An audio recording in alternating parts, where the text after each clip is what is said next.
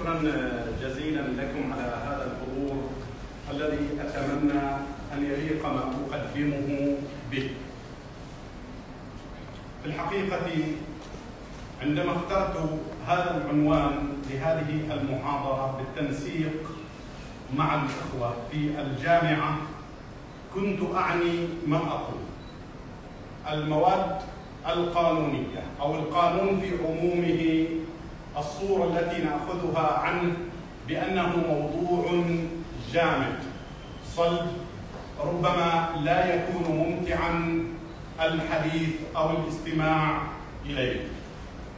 ولكن سوف أسعى من خلال ما أقدمه بإذن الله أن أجعل الأمر على عكس ما تتصورونه أو ما يتصوره البعض. أعطونا نفقة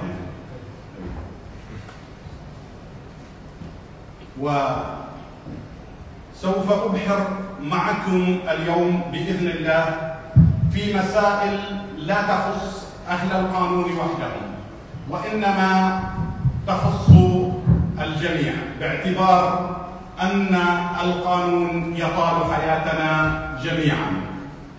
وأنطلق من حيث ما أراه مهما وهو السؤال ما هو القانون؟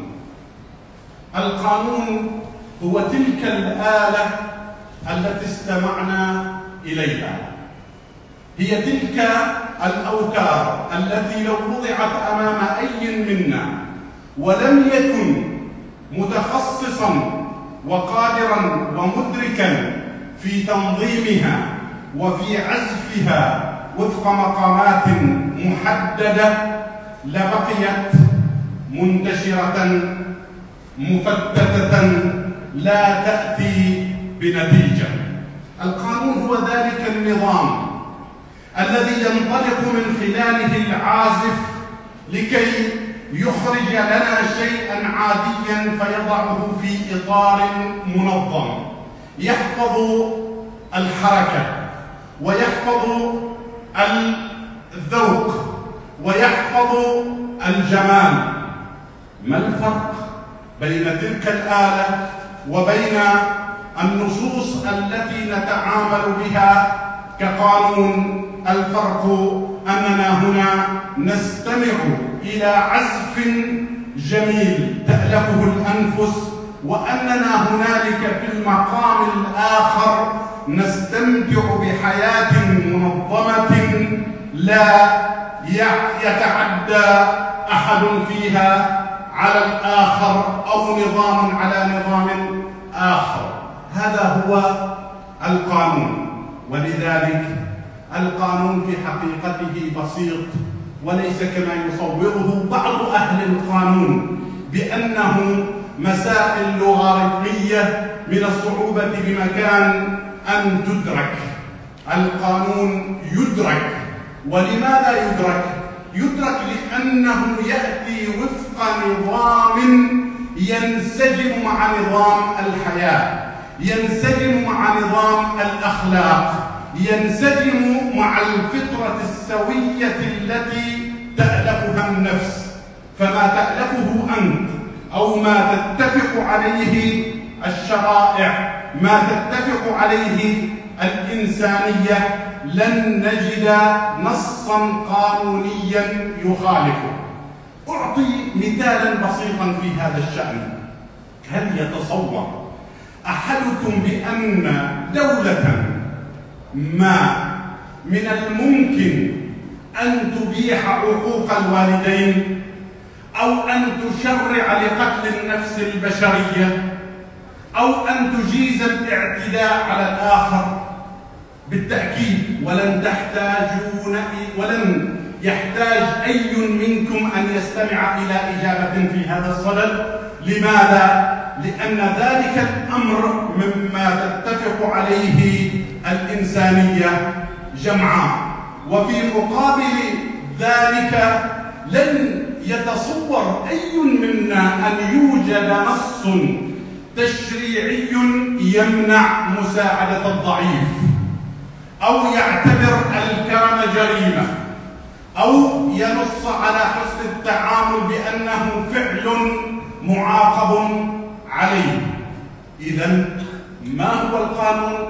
القانون بهذه البساطة فإذا ما ذهب معلموكم أنتم معاشر الطلبة القانونيين إلى أن يصفوا لكم القانون بعبارات يطلب منكم. حفظها أو يطلب منكم حفظها فاعلموا أن المسألة هنا لا تعدو أن تكون تقليدا لا يمت إلى حقيقة المعرفة أو المعلومة بصلة.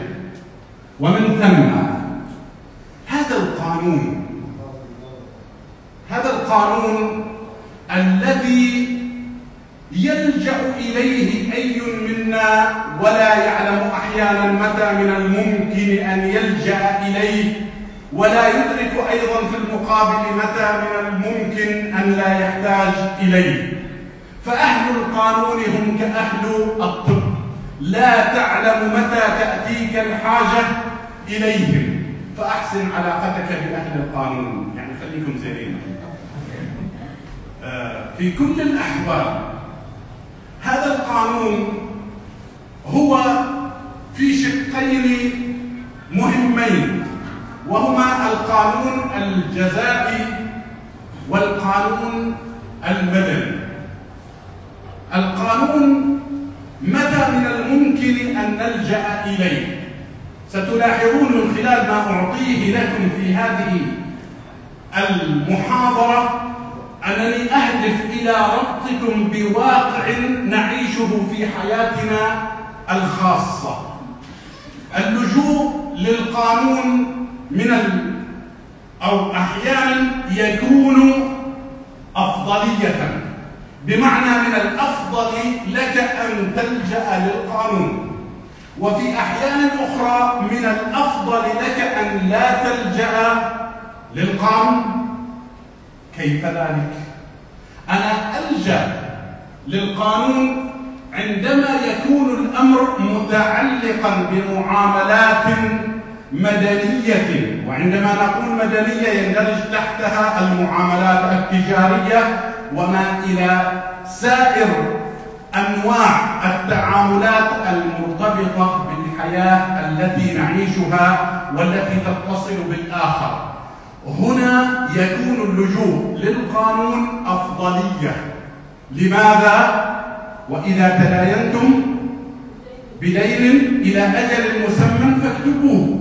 إذا تداينتم بدين إلى أجل مسمى فاكتبوه. وفقا لهذه النظرية فإن إثبات الحقوق واللجوء إلى القانون هو تمهيد لعدم الحاجة إلى القانون بعد ذلك في سياق التعامل. يأتي على عكس ذلك الأمر. عندما يصبح القانون أداة للاستغلال وهذا ما بدأنا نستشعره في السنوات الأخيرة. من افتعال لبعض الوقائع التي يسعى من خلالها صاحبها إلى أن يستفيد فائدة قانونية ولكنها غير أخلاقية. بمعنى هل يمكن أن يصبح القانون على علاقة عكسية مع الأخلاق؟ إذا ما استغل القانون في غير موضعه أو في غير ما شرع له من حماية ومن تنظيم. نعم من الممكن أن يكون ذلك. ما بالكم إذا علمنا جميعا بأن هنالك من يستغل آيات الكتاب العزيز القرآن الكريم فيضعها في غير موضعها؟ ولذلك قال الله عز وجل يحرفون الكلمة عن مواضعه. إذا إذا ما طال الأمر أن يذهب بعضهم إلى آيات الكتاب فيحرفها لغاية في نفسه. أفلا يطال ذلك النص القانوني فيهدف من خلاله الشخص إلى أن يستفيد من وراء القانون فائدة في حقيقتها أو في نشأتها أو في بدايتها غير مشروعة. غردت إحدى الأخوات آه، في هذه الجزئية أظن الأسبوع الماضي أو قبل عشرة أيام ليس أكثر وقالت إن أن هنالك من يقوم بافتعال وقائع قانونية بأن تتواصل مثلا فتاة مع بعض الشباب وتجرهم إلى ما هي تهدف إليه. وبعد ذلك تقوم بتقديم شكوى ضدهم ولا يكون التنازل وتكون هنالك مفاوضات بمقابل يدفع هذا مثال هي ضربته في نوع من أمثلتها. لا يعني ذلك الآن أن يصفق الرجال الحاضرون لمثل هذه المعلومة. فهنالك كذلك في المقابل من الرجال ومن الشباب من ينصبون شباكهم للإيقاع بالفتيات. وإذا ما قلنا هكذا معنى الأمر أن القانون يستغل استغلالا في غير موضعه. ولكن هل هذه الصورة أيضا هي في حقيقتها؟ هي الصورة السائدة؟ هل هو هذا الواقع؟ نقول لا. بدليل أن هنالك أيضا من يعتدى عليه فيصبح القانون حام له ومدافعا عن حقوقه إذا اللجوء إلى القانون لا يكون في حالة واحدة عندما نتحدث عنه ونقول بأن هنالك قواعد أخلاقية من المهم أن لا ينفصل عنها الإنسان. ويكفي هنا أن أقول فقط ما قاله الله عز وجل في كتابه وأن تعفوا أقرب بالتقوى بمعنى أن هنالك مسائل قد يحفظ لك القانون فيها حقك ولكن تأتي نفسك العلية وتكبر فوق ما شرعه القانون لك فتتنازل عن حقك وتعفو لأنك هنا تتمسك بقاعدة أخلاقية تسمو على النص الذي أنت تذهب إليه. ومثال آخر في هذا الجانب. وضربته في آخر محاضرة ألقيتها هو موضوع تأسيس الشركات.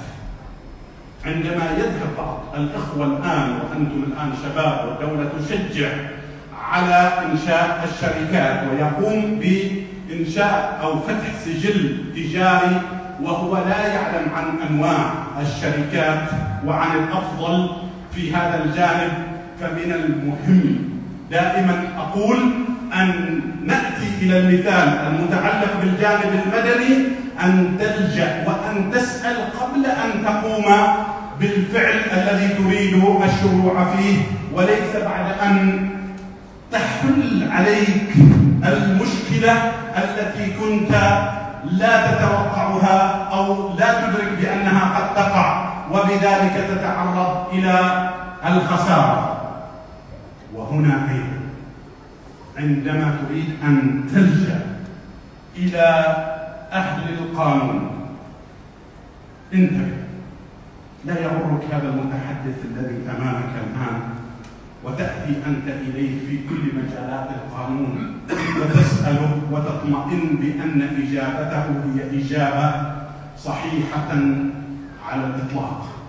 وأنا هنا أتحدث عن نفسي حتى لا يتحسس الإخوة القانونيون عندما نقول بأن القانون هو كالطب. فكما هنالك طبيب للعيون وطبيب للقلب وطبيب للأمراض الباطنية وطبيب للعظام وقس. على ذلك ما شئت فإن هنالك قانوني متخصص في مجال العقود وقانوني متخصص في القضايا الجزائية وقانوني متخصص في الشركات.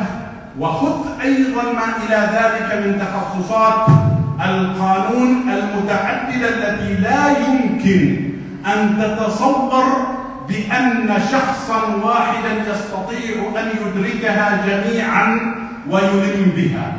وهذه من المسائل الحقيقة التي تثير استغرابي لأنني أواجه في الواقع العملي بمسألتين.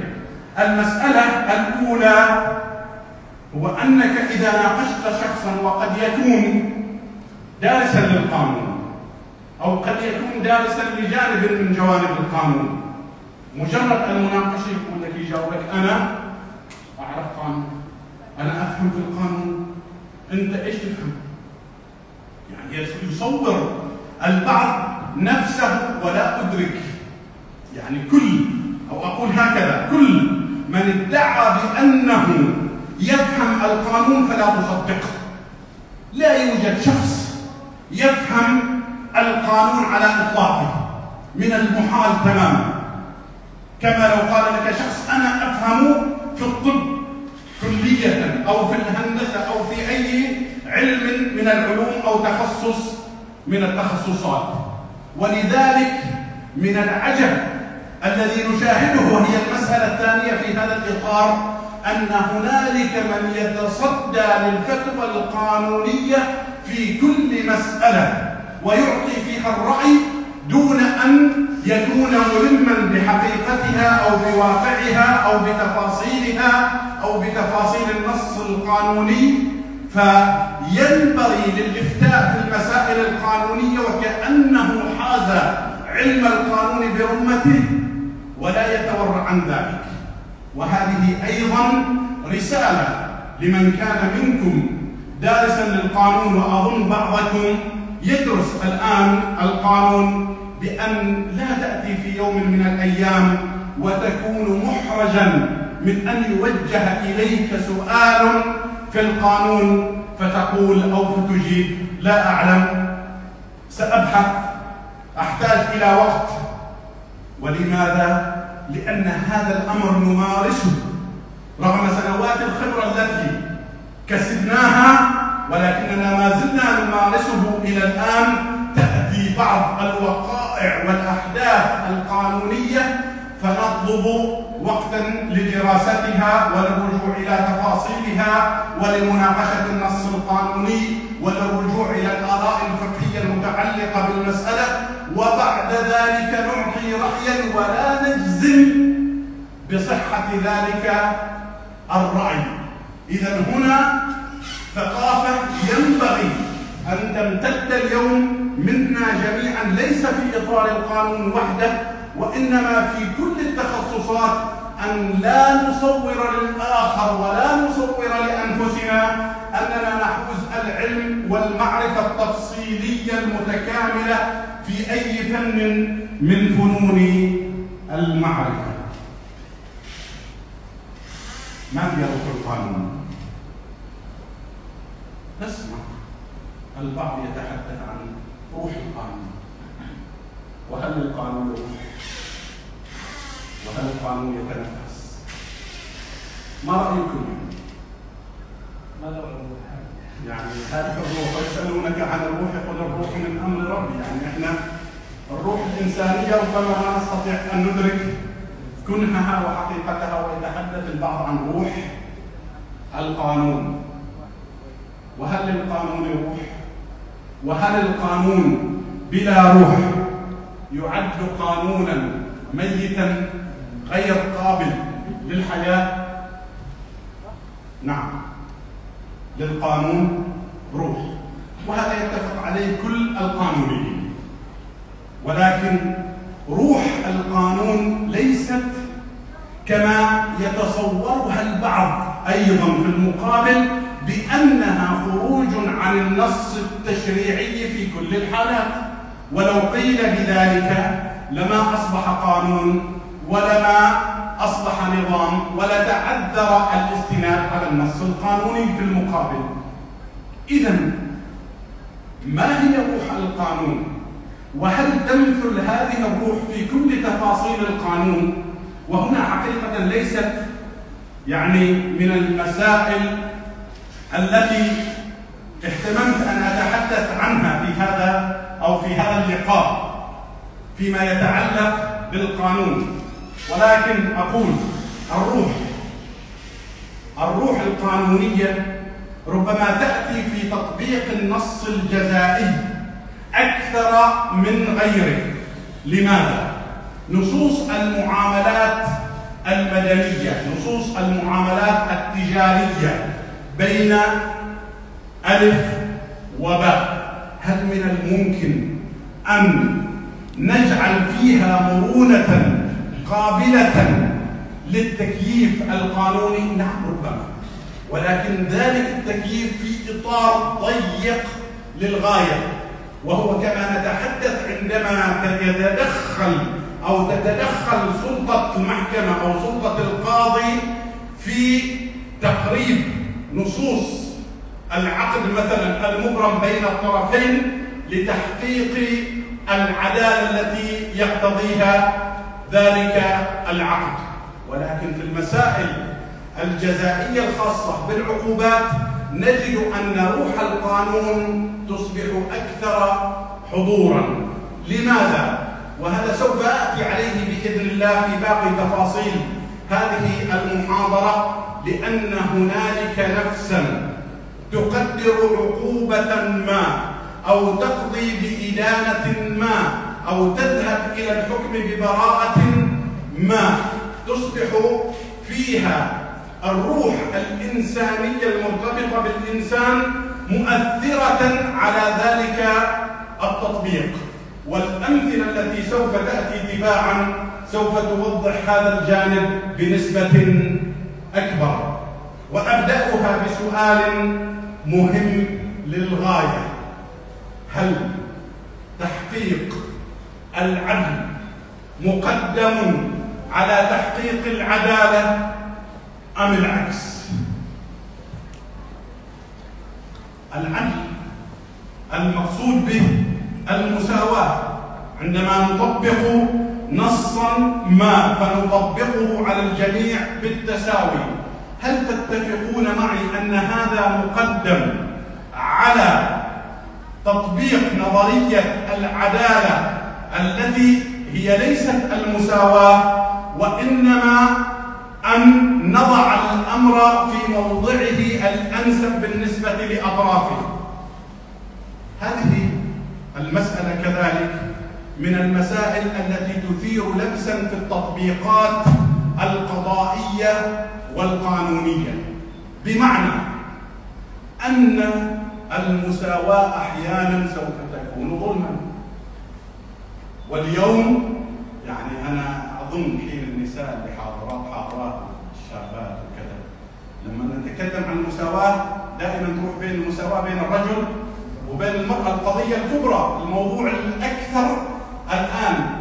ربما نستطيع حقيقة أنا لم يخطر في بالي هذه الفكرة يعني لم تخطر قبل قبل الآن قبل هذه اللحظة.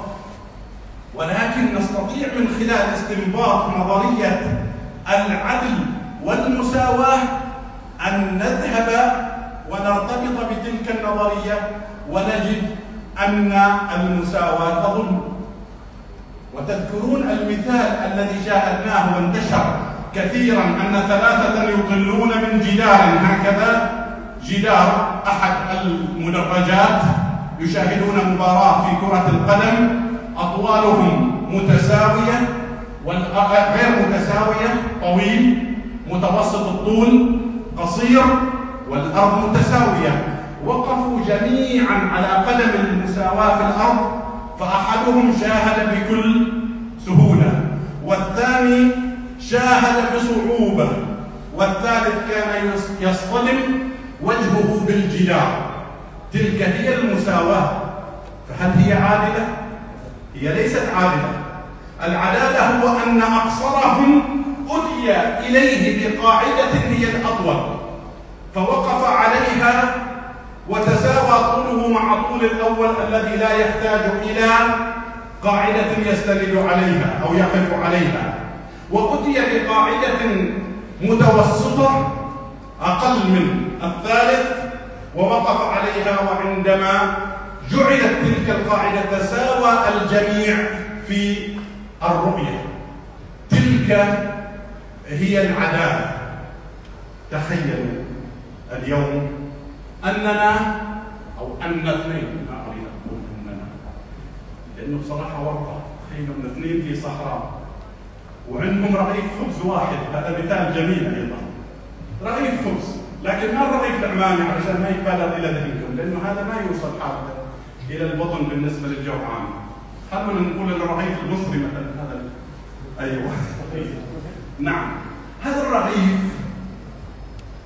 كان لدى الشخصين هذا الرغيف ويقتسمانه فهل الأصوب في هذه الحالة أن يقسمانه بالنصف؟ أم ينظر إلى عدة اعتبارات؟ الاعتبار الأول قد يكون أحدهما صغيرا فلا يستهلك ما يحتاجه الكبير. وقد يكون أحدهم من أصحاب الأجسام الضخمة فهو يحتاج إلى كمية غذاء لا يستهلكها الأنحف منه ولذلك أو يكون أحدهما أيضا من الأشخاص الذين يستطيعون الصبر ويتحملون أكثر تحملا من الآخر. إذا عندما نأتي لكي نطبق مبدأ العدل على هؤلاء هل نقسم الرغيف؟ إلى نصفين؟ إذا قسمنا الرغيف إلى نصفين فإننا نخل بمبدأ العدالة.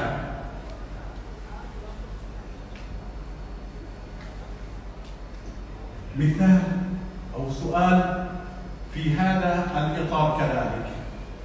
أبوان يختلفان يعني عندما نقول أبوان فنحن نتحدث عن الأب والأم. أبوان يختلفان في حضانة أطفالهما. صار بينهم طلاق مختلفين في موضوع الحضانة. الأب يريد الحضانة الأم تريد الحضانة. هذه مسألة في تقديري الخاص مسألة طبيعية عادية. كل يسعى إلى ذلك ولكن تخيلوا أن يكتشف القاضي بأن الأب والأم غير صالحين للحضانة لماذا؟ لأن القانون يقول بأن الحضانة من واجبات الأبوين فإذا افترقا وأعطاها تفاصيل. والحضانة دائما تذهب لمن؟ للأصلح على القيام بها. نفترض ثبت للمحكمة الأب غير صالح والأم غير صالحة. أنا ما أقصد غير صالح يعني اسمه صالح وهي اسمها صالحة لكن نقول أنه غير صالحين للحضانة ما الحل؟ ماذا يفعل القاضي هنا؟ أنا لا أعطي إجابة قانونية ولكن أنا أعطي مثال هنا نصبح فيه أمام البحث عن تطبيق العدالة هذا مثال أيضا يبقى أسهل من المثال الذي يليه تخيلوا أن الأب والأم كلاهما لا يريد الحضانة هل خطر ببالك يعني فكرة كهذه أن يأتي الأب والأم إلى المحكمة الأب لا يريد الحضانة والأم لا تريد الحضانة إذا لماذا ذهب؟ لأن مثلا الأم رفعت قضية على الأب أو الأب رفع قضية على الأم يطالب الآخر بالحضانة وهو لا يريدها. أستاذ إكرام مرت عليك؟ آه ما مرت عليك. أستاذ إكرام طبعا أكبر مني سنا وعلما يعني وأنا أرحب دائما أينما وجد لازم أرحب بهذا الرجل الذي تعلمت منه الكثير وأقول ما مرت علينا سنة مرت علينا حقيقة يعني مرت علي هذه الواقعة وكنا أمام قضية مختلف فيها الأب والأم حول أن كل منهما لا يريد حضانة. الأطفال. إذا ما العمل هنا؟ إذا ما؟ ثار هذا السؤال في أذهانكم وأردتم إجابته فابحثوا عنها. أنا لا أقدم طعاما جاهزا لأحد منكم. الأحكام عنوان للحق. كلمة يفهمها القانونيون. يقولون وبطبيعة الحال. أول مرة أقول بطبيعة الحال لأن أنا أكررها كثير في المحاضرات فصرت أقللها في اللقاءات أول مرة في هذا الحكم ما قلنا صح؟ بطبيعة الحال. القانونيون يقولون بأن الأحكام عنوان للحقيقة. هل هذه المقولة بحد ذاتها هي صحيحة؟ هل يعني في. يعني هي من مما درج عليه العرف القانوني عندما يقولون بأن الأحكام عنوان للحقيقة ولكن قد تكون الحقيقة مخالفة. ولذلك عندما يأتي أحدهم ويقول لك الحق في كذا من أين هو؟ استطاع أن يتحدث أو أن يصف ذلك الأمر بأنه هو الحق لأن ما على الحق هو الباطل. فمن يستطيع اليوم أن يجزم بالحق أو بالحقيقة ليس هذا هو الأمر أو ليس هذا هو المبحث الذي أردت أن أثيره أمامك ولكن أعود وأسلم بصحة ما يذهب إليه القانونيون بأن الأحكام عنوان للحقيقة هل الأحكام عنوان للعدل؟ ليش؟ إذا قلنا بأن الأحكام ليست عنوانا للعدل إذا معنى ذلك بأن الأحكام في حقيقتها لا تمثل العدل كعنوان. نعود ونقول أن ذلك نعم ممكن. مسألة تقديرية. المسألة التي قال عنها بأنها لا هي صحيحة. الأحكام ليست عنوانا للعدل لماذا؟ لأن العدالة نسبية وليست مطلقة. فلا يعني اليوم أن يصدر حكم. ركزوا معي في هذه النقطة. الآن أتحدث عن العدالة البشرية ليست الإلهية. ما رحنا لسه العدالة النسبية التي نمتلكها نحن البشر. هذه الأحكام التي تصدر هل يمكن الجزم بصحتها؟ أنا أعرف يعني من خلال تجاربي لو يعني وقفت عند هذه النقطة فقد يقول البعض بأن هذا يسيء إلى الأحكام ويصفها بأنها ليست عادلة لا مهلا. حتى في التسجيل لا تجتزئ هذا المقطع الأول. يعني لا تقرب الصلاة ويسكت. لا دعونا نكمل. نكمل بأن تلك الأحكام التي لا يمكن أن تكون عنوانا للعدل على إطلاقه فيما يتعلق بالعمل البشري رسولنا الكريم صلى الله عليه وسلم هو الذي قال في معنى حديثه إنكم تختصمون إلي. وإني أقضي بينكم. ركزوا. المتحدث هو رسول الله صلى الله عليه وسلم. خير البشرية من كان يتنزل عليه جبريل عليه السلام. يقول إنكم تختصمون إلي وإني أقضي بينكم. فإذا قضيت لأحدكم بحق أخيه فلا يأخذ منه شيئا. إذا معنى ذلك من الممكن أن يخطئ رسول البشرية في حكمه فيقضي لأحد الطرفين بحق أخيه ولكنه يقول له فلا يأخذ منه شيئا فإنما أقطع له قطعة من النار. إذا المسألة هنا أريد أن أقف فيها على أمرين. الأمر الأول أعود إليه مرة أخرى في الأحكام الجزائية والأمر الآخر في الأحكام المدنية. وأظن جميعكم يدرك أن الأحكام الجزائية هي العقاب وفي بعض الدول يسمى قانون الجزاء قانون العقوبات.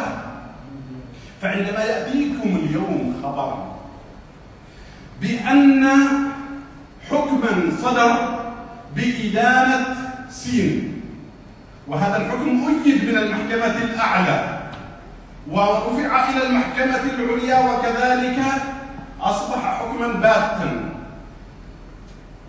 يجب على الجميع أن لا يجزم بأن ذلك الحكم هو حكم عادل عدالة مطلقة.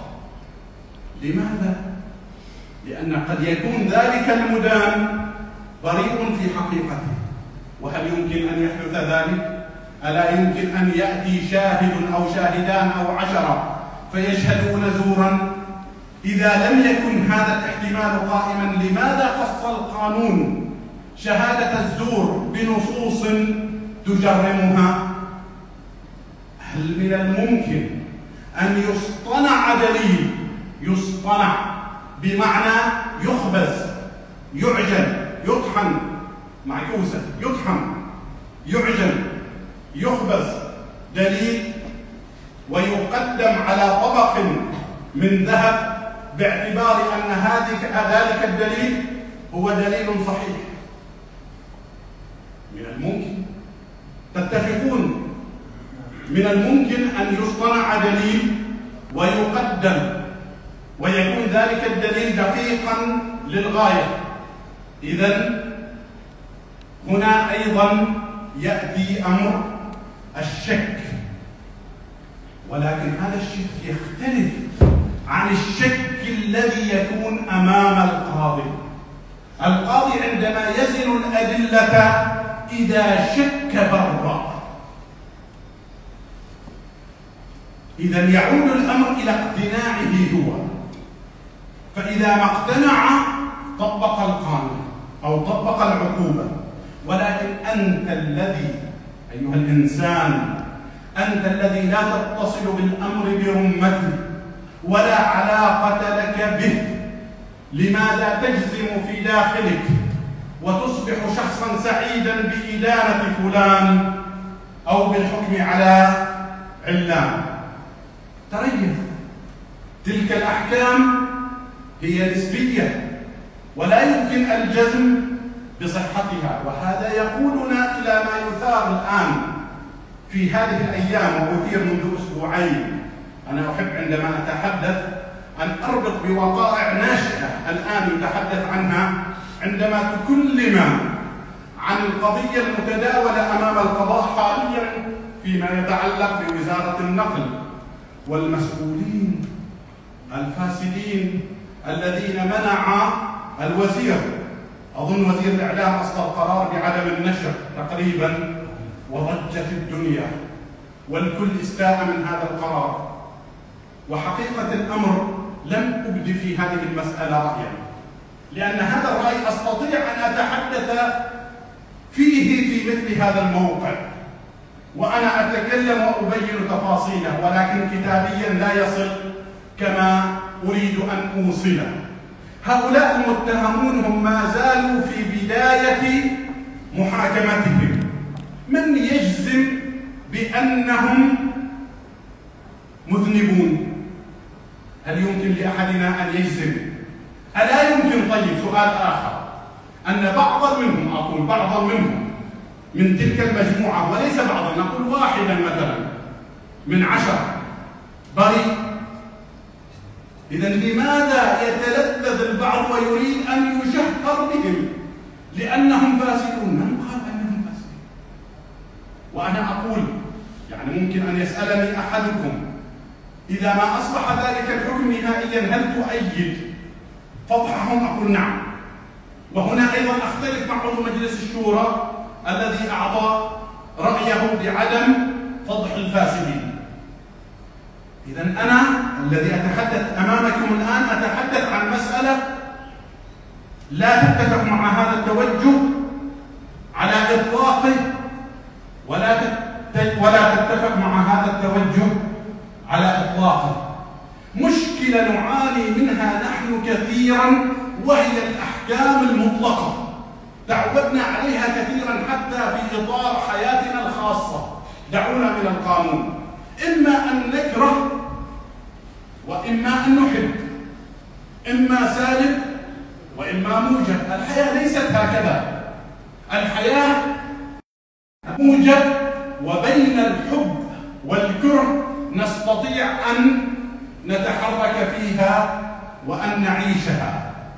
إذا نقول بأن الأحكام عندما تصبح نهائية وباتة نعم تنشر. البعض أيضا قد يثور لديه تساؤل ويقول أنت قبل قليل تقول بأن الاحتمال وارد في عدم صحتها. إذا إذا قلنا بهذا إذا نترك القضاء نترك إصدار الأحكام. هل هذا الذي نريده؟ لا ليس هذا الذي نريده. ولكن نقول في داخل أنفسنا وفي قناعاتنا دع احتمالا ولو بسيطا إلى أن ذلك الأمر ليس على الإطلاق. ولكن في المقابل إذا ما صدر حكم قضائي نهائي فعلينا جميعا أن نحترمه وهنا يأتي الفرق بين أن تحترم أمرا وبين أن لا تؤمن به. كيف؟ أنا أحترم المسيحي أحترم اليهودي أحترم الهندوسي ولكني لا أؤمن بشريعته. هل عدم إيماني بشريعته يقتضي مني أن لا أحترم أن لا أحترم إنسانيته؟ على الإطلاق ولا يقول عاقل بمثل هذا. إذا المسألة تأتي في هذا الإطار. وإذا ما أراد منكم أن نثير هذه المسألة ببعض التفصيل البسيط السريع القانوني فنقول لماذا وجدت درجات التقاضي؟ ابتدائي استئناف عليا. لماذا؟ إذا سلمنا بأن كل حكم يصدر هو حكم صحيح على الإطلاق. إذا لماذا تأتي درجات للتقاضي؟ ألا يثير هذا تساؤلا في أذهانكم إلى أن الخطأ ممكن الحدوث في الأحكام القضائية. ولماذا يكون التفتيش القضائي مؤسسة تنفق عليها الدول مبالغ وتعين لها قضاة وأجهزة إدارية؟ إذا كانت تلك الدول تسلم بأن تلك الأحكام التي تصدرها محاكمها هي أحكام صحيحة على الإطلاق. إذا المسألة أيضا هنا متعذرة. ولذلك لا يمكن أن نأخذها على الإطلاق. ويأتي سؤال يقول لماذا في قضية واحدة يصدر القاضي حكمه بإدانة خمسة متهمين ارتكبوا فعلا واحدا فيحكم بسجن هذا خمس سنوات ويحكم بسجن هذا ثلاث سنوات ويحكم بسجن هذا أقل أو أكثر. وتأتي التعليقات هنا. يقال شوف ماشي عليها ماشي عليها كلهم مرتكبين نفس القضية وكلهم يعني ما حصلوا نفس الحكم. واحد والله المحكمة لأنهم يعرفوا ما عرف منه جاملوه. وواحد لأنه ما حد يعرفه شددوا عليه. هذه بعدها ممكن تكون واضحة. البعض يربط لا والله فلان مقبوض عليه سكران. القاضي حكم سجن عشرة أيام ووقف له التنفيذ راح بيته واحد لا حكموا عليه بسجن سنة. كيف؟ ظروف محيطة جميل. الإشكال هو عندما يتصور الناس بأنه كأن تلك العقوبات التي تطبقها المحاكم هي عقوبات جامدة جامدة. وفي هذا الإطار حقيقة يعني الدكتور محمد شحرور رحمه الله عندما تحدث عن فلسفة الحدود أنا أتحدث الآن عن رؤيته فيما يتعلق بالحدود وعندما قال معنى الحدود أنها لها حد أدنى وحد أعلى.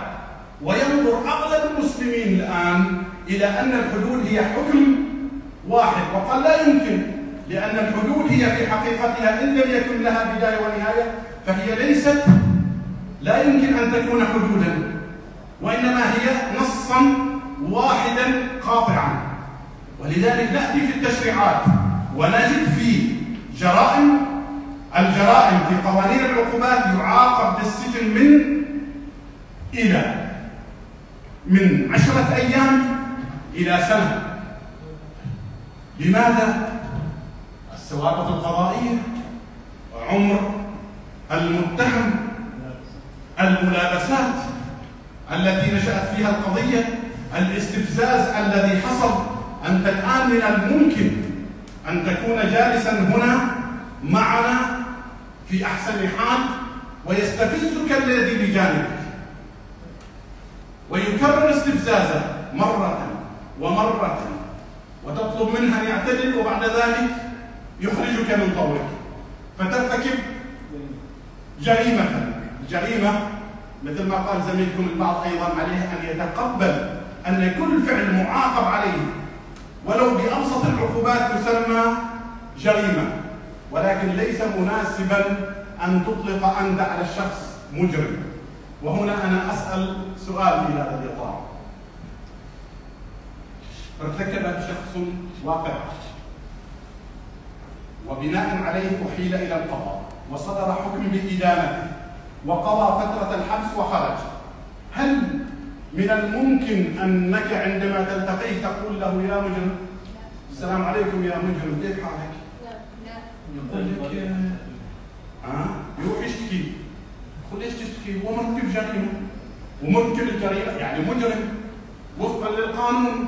والجريمة ثابته لحقه اذا ممكن ولا ما ممكن؟ ما ممكن متفقين؟ طيب الأمر لك وأنا أتفق معك أختم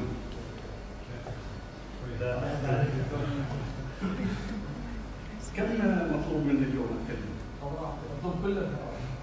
طيب. لا أنا حقيقة يعني مما يعاب علي أحيانا أنني أتوسع في المحاضرات فما يحتاج إلى ساعة يعني أضع في ساعتين. جميل اليوم انه يقال لي لا تختم هذه بشرى سابقة. أتينا لنستمع دكتور تسلم يا صديقي. الخطأ في الإجراءات. هذه نظريه أو مساله من المسائل الجيد أن يعرفها البعض منكم والقانونيون يعرفونها طبعا على الإطلاق. ولكن يعني بما أنه لدينا بعض الأشخاص لا يدرسون القانون لماذا اليوم ترتكب جريمة ما؟ وهذه الجريمة يحاكم عليها الشخص وتكون ثابتة ويقر الشخص على نفسه بأنه ارتكبها. ورغم ذلك من الممكن أن تأتي المحكمة وتقضي ببراءته. وهذه من الأمور التي تثير شجون البعض. وهنا لا ينتبه إلى أن الخطأ في الإجراءات من الممكن أن يقود إلى الحكم ببراءة ذلك المتهم. والبعض يستفز بالامر ويقول هنا هذا المتهم. اذا معنى ذلك يشجع بهذا الحكم. مرة أخرى بارتكاب جريمة أخرى. هنا من الممكن أن نتجادل ونقول وما الذي يضمن أن لا ترتكب الجريمة ممن لم يرتكبها سابقا؟ وما الذي يضمن أن ذلك المتهم